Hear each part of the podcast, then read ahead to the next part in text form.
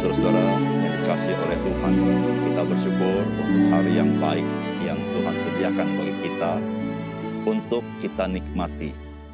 Saudara-saudara yang kasih dalam Tuhan, hidup kita senantiasa menghadapi segala pergumulan yang tidak mudah yang sering kali kita jumpai.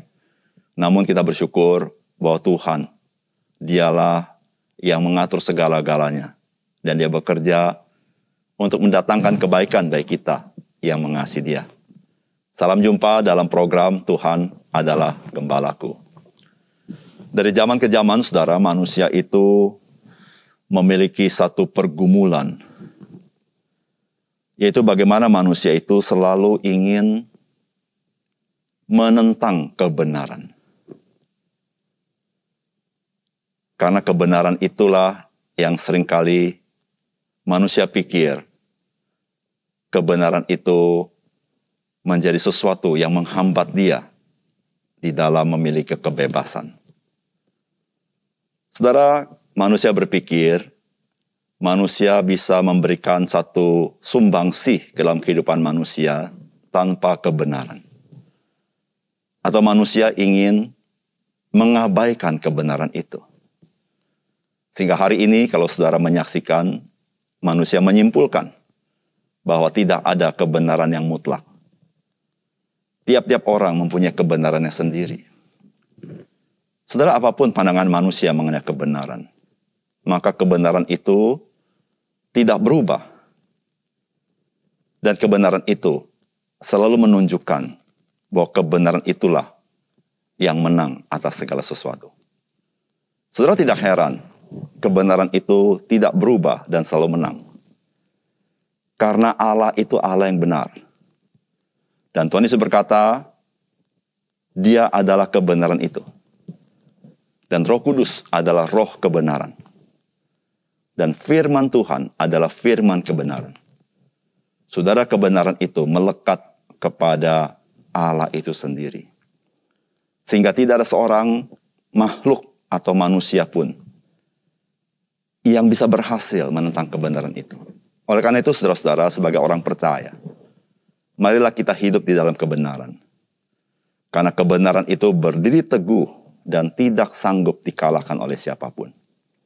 Mari kita membaca firman Tuhan dari Yohanes pasal 19 ayat 1 sampai 15. Lalu Pilatus mengambil Yesus dan menyuruh orang menyesah dia Prajurit-prajurit menganyam sebuah mahkota duri dan menaruhnya di atas kepalanya. Mereka memakaikan dia jubah ungu, dan sambil maju ke depan mereka berkata, Salam hai Raja orang Yahudi. Lalu mereka menampar mukanya. Pilatus keluar lagi dan berkata kepada mereka, Lihatlah, aku membawa dia keluar kepada kamu, supaya kamu tahu bahwa aku tidak mendapati kesalahan apa pun padanya.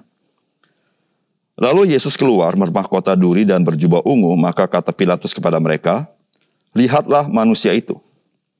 Ketika imam-imam kepala dan penjaga-penjaga itu melihat dia, berteriaklah mereka, Salibkan dia, salibkan dia. Kata Pilatus kepada mereka, Ambil dia dan salibkan dia, sebab aku tidak mendapati kesalahan apa pun padanya. Jawab orang-orang Yahudi itu kepadanya, kami mempunyai hukum dan menurut hukum itu, ia harus mati. Sebab ia menganggap dirinya sebagai anak Allah. Ketika Pilatus mendengar perkataan itu bertambah takutlah ia. Lalu ia masuk pula ke dalam gedung pengadilan dan berkata kepada Yesus, Dari manakah asalmu? Tetapi Yesus tidak memberi jawab kepadanya. Maka kata Pilatus kepadanya, Tidakkah engkau mau bicara dengan aku? Tidakkah engkau tahu bahwa aku berkuasa untuk membebaskan engkau dan berkuasa juga untuk menyalibkan engkau? Yesus menjawab, Engkau tidak mempunyai kuasa apa pun terhadap aku jikalau kuasa itu tidak diberikan kepadamu dari atas. Sebab itu, dia yang menyerahkan aku kepadamu lebih besar dosanya. Sejak itu, Pilatus berusaha untuk membebaskan dia. Tetapi orang-orang Yahudi berteriak, Jikalau engkau membebaskan dia, engkau bukanlah sahabat kaisar. Setiap orang yang menganggap dirinya se sebagai raja, ia melawan kaisar. Ketika Pilatus mendengar perkataan itu, ia menyuruh membawa Yesus keluar dan ia duduk di kursi pengadilan di tempat yang bernama Litos Trotos dalam bahasa Ibrani Gabata. Hari itu ialah hari persiapan Paskah, kira-kira jam 12. Kata Pilatus kepada orang-orang Yahudi, "Inilah rajamu." Maka berteriaklah mereka, "Enyahkan dia, enyahkan dia. Salibkan dia." Kata Pilatus kepada mereka, "Haruskah aku menyalibkan rajamu?" Jawab imam-imam kepala, "Kami tidak mempunyai raja selain daripada kaisar." Saudara yang dikasih oleh Tuhan, apa yang kita baca dari firman Tuhan ini, kita tahu bahwa Pilatus sebagai seorang yang berkuasa, dia tidak menemukan kesalahan apa pun yang diperbuat oleh Tuhan Yesus. Dan dia berusaha melepaskan Tuhan Yesus. Namun Pilatus juga seorang yang berusaha menyenangkan orang banyak. Saudara, apakah dia berhasil? Dengan dua sikap ini. Maka saudara-saudara, apa yang dia perbuat adalah untuk menyenangkan orang banyak. Meskipun dia tahu Yesus tidak bersalah, maka dia meminta prajurit-prajurit Roma untuk melecehkan Tuhan Yesus. Tetapi pada saat yang sama, sebetulnya Pilatus sedang melecehkan bangsa Yahudi. Karena Pilatus selalu menyebut Yesus adalah raja orang Yahudi. Saudara, apa yang diperbuat oleh Pilatus kepada Yesus Kristus tidak dipahami oleh orang-orang Yahudi. Nah, saudara-saudara yang kasih dalam Tuhan, apakah pesan firman Tuhan yang kita bisa dapatkan dari bagian ini? Yang pertama, saudara, saudara firman Tuhan ingin menegaskan kepada kita bahwa kebenaran itulah yang dapat memerdekakan kita. Setelah firman Tuhan berkata, Pilatus keluar lagi dan berkata kepada mereka, Lihatlah, aku membawa dia keluar kepadamu supaya kamu tahu bahwa aku tidak mendapati kesalahan apa pun padanya. Lalu Yesus keluar bermahkota duri dan berjubah ungu. Maka kata Pilatus kepada mereka, Lihatlah manusia itu. Ketika imam-imam kepala dan penjaga-penjaga itu melihat dia, berteriaklah mereka, salibkan dia, salibkan dia. Kata Pilatus kepada mereka, ambil dia dan salibkan dia sebab aku tidak mendapati kesalahan apa pun padanya. Ayat 12. Sejak itu Pilatus berusaha untuk membebaskan dia. Tetapi orang-orang Yahudi berteriak, jikalau engkau membebaskan dia, engkau bukanlah sahabat kaisar. Setiap orang yang menganggap dirinya sebagai sahabat raja, sebagai raja, ia melawan kaisar. Ketika Pilatus mendengar perkataan itu, ia menyuruh membawa Yesus keluar dan ia duduk di kursi pengadilan di tempat yang bernama Litos Trotos dalam bahasa Ibrani Gabata. Hari itu ialah hari persiapan Paskah kira-kira jam 12. Kata Pilatus kepada orang-orang Yahudi itu, inilah rajamu. Saudara yang dikasih oleh Tuhan, Pilatus memiliki kekuasaan yang penuh untuk mengambil sebuah keputusan. Namun Pilatus juga di dalam peristiwa ini memperlihatkan diri sebagai orang yang tidak memiliki kuasa. Mengapa? Karena Pilatus tahu sebuah kebenaran. Tetapi Pilatus juga memikirkan tentang kepentingan dirinya sendiri. Pilatus tahu kebenaran, tetapi dia ingin menyenangkan orang banyak. Pilatus tahu kebenaran, tetapi dia ingin menyelamatkan dirinya sendiri. Karena dia berpikir, jikalau dia berpegang kepada kebenaran itu, maka masyarakat banyak tidak senang kepadanya. Dan dia berpikir bahwa kekuasaannya terancam. Saudara yang kasih dalam Tuhan, Pilatus beberapa kali mengatakan, Aku tidak menemukan kesalahan apa pun di dalam diri Yesus Kristus. Dan memang, Yesus Kristus tidak bersalah. Karena Yesus memang adalah anak Allah itu. Nah saudara yang kasih dalam Tuhan, ketika Pilatus tidak lagi berpegang kepada kebenaran, maka Pilatus tidak lagi memiliki kekuasaan secara independen mengambil sebuah keputusan. Saudara kasih dalam Tuhan, sering kali orang berpikir bahwa dialah yang menentukan segala-galanya. Sehingga sering kali orang berpikir, dia di atas kebenaran. Sehingga seorang berpikir, dia memiliki pilihan, mau ikut kebenaran atau dia berjalan sesuai dengan kemauannya sendiri. Dan sering kali orang berpikir, ketika dia bisa berjalan sesuai dengan keinginan sendiri, dia menjadi orang yang merdeka. Tetapi kenyataannya, sebagaimana Pilatus, ketika Pilatus tidak berdiri di atas kebenaran, maka dia tidak menjadi orang yang merdeka. Dia justru menjadi orang yang terbelenggu.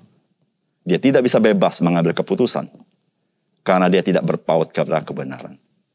Saudara yang kasih dalam Tuhan, Tuhan Yesus berkata, kebenaran itulah yang memerdekakan kamu. Saudara kasih dalam Tuhan, ketika kita hidup tidak di dalam kebenaran, saudara kemerdekaanmu sedang dirampas dan engkau telah menjadi budak. Budak keinginan masyarakat pada umumnya, budak hawa nafsu kita, atau budak yang lain.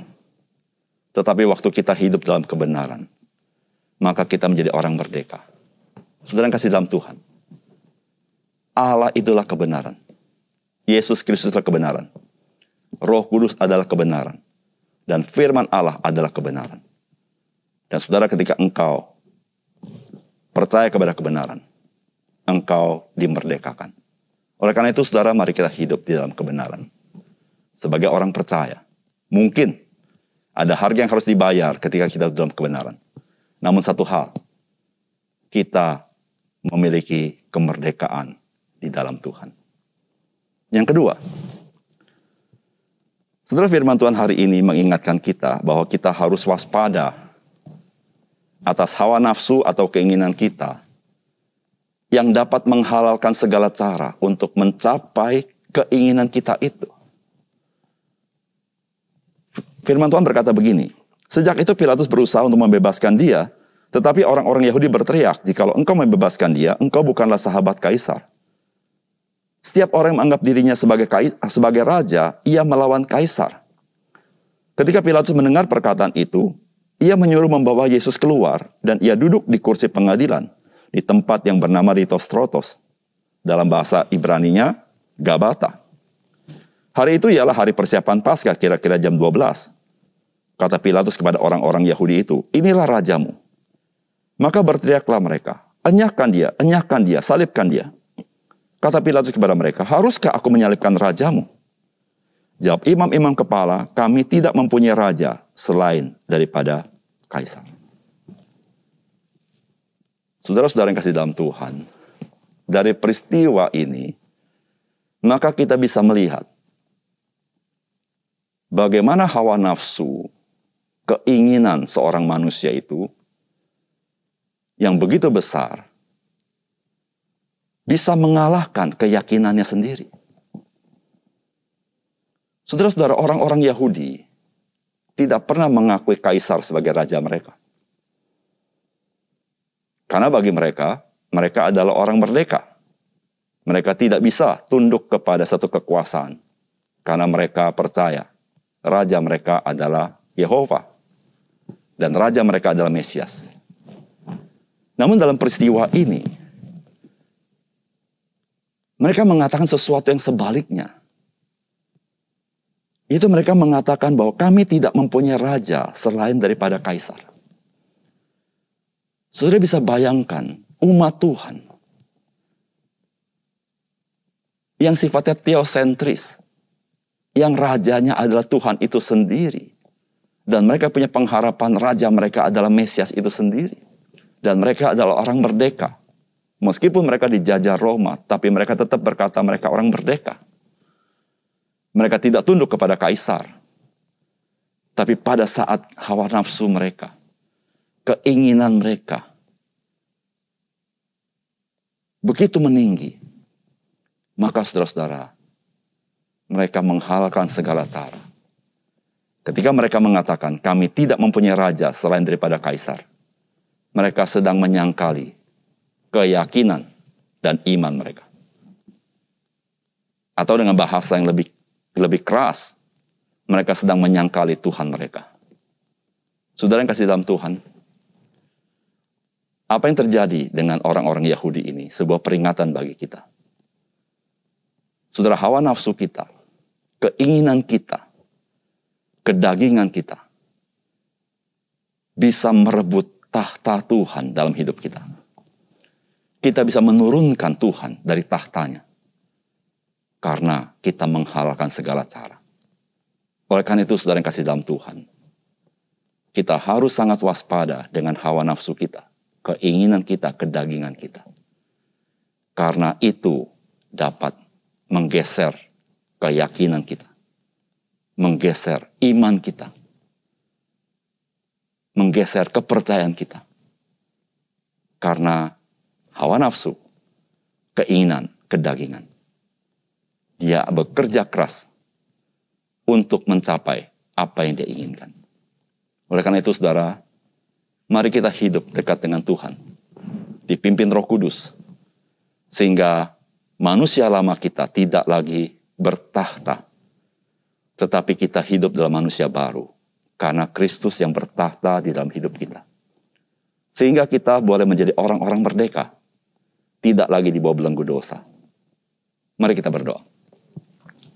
Bapak surga terima kasih untuk firman Tuhan yang menyadarkan kami Ketika kami tidak berdiri atas kebenaran, kami menjadi budak. Kami tidak menjadi orang merdeka. Karena kami tahu ya Tuhan, dunia ini dengan segala macam pencobaan, dengan kuasa gelap, berusaha menipu kami. Bahwa kemerdekaan kami tergantung daripada kami lepas daripada kebenaran. Tapi sesungguhnya kami menjadi budaknya. Ya Tuhan bantu kami menyadarkan diri kami bahwa kami tidak boleh dikuasai oleh hawa nafsu, keinginan, kedagingan kami, tapi kami harus dipimpin roh kudus. Sehingga kami tidak menghalalkan segala cara untuk mencapai kedagingan kami itu.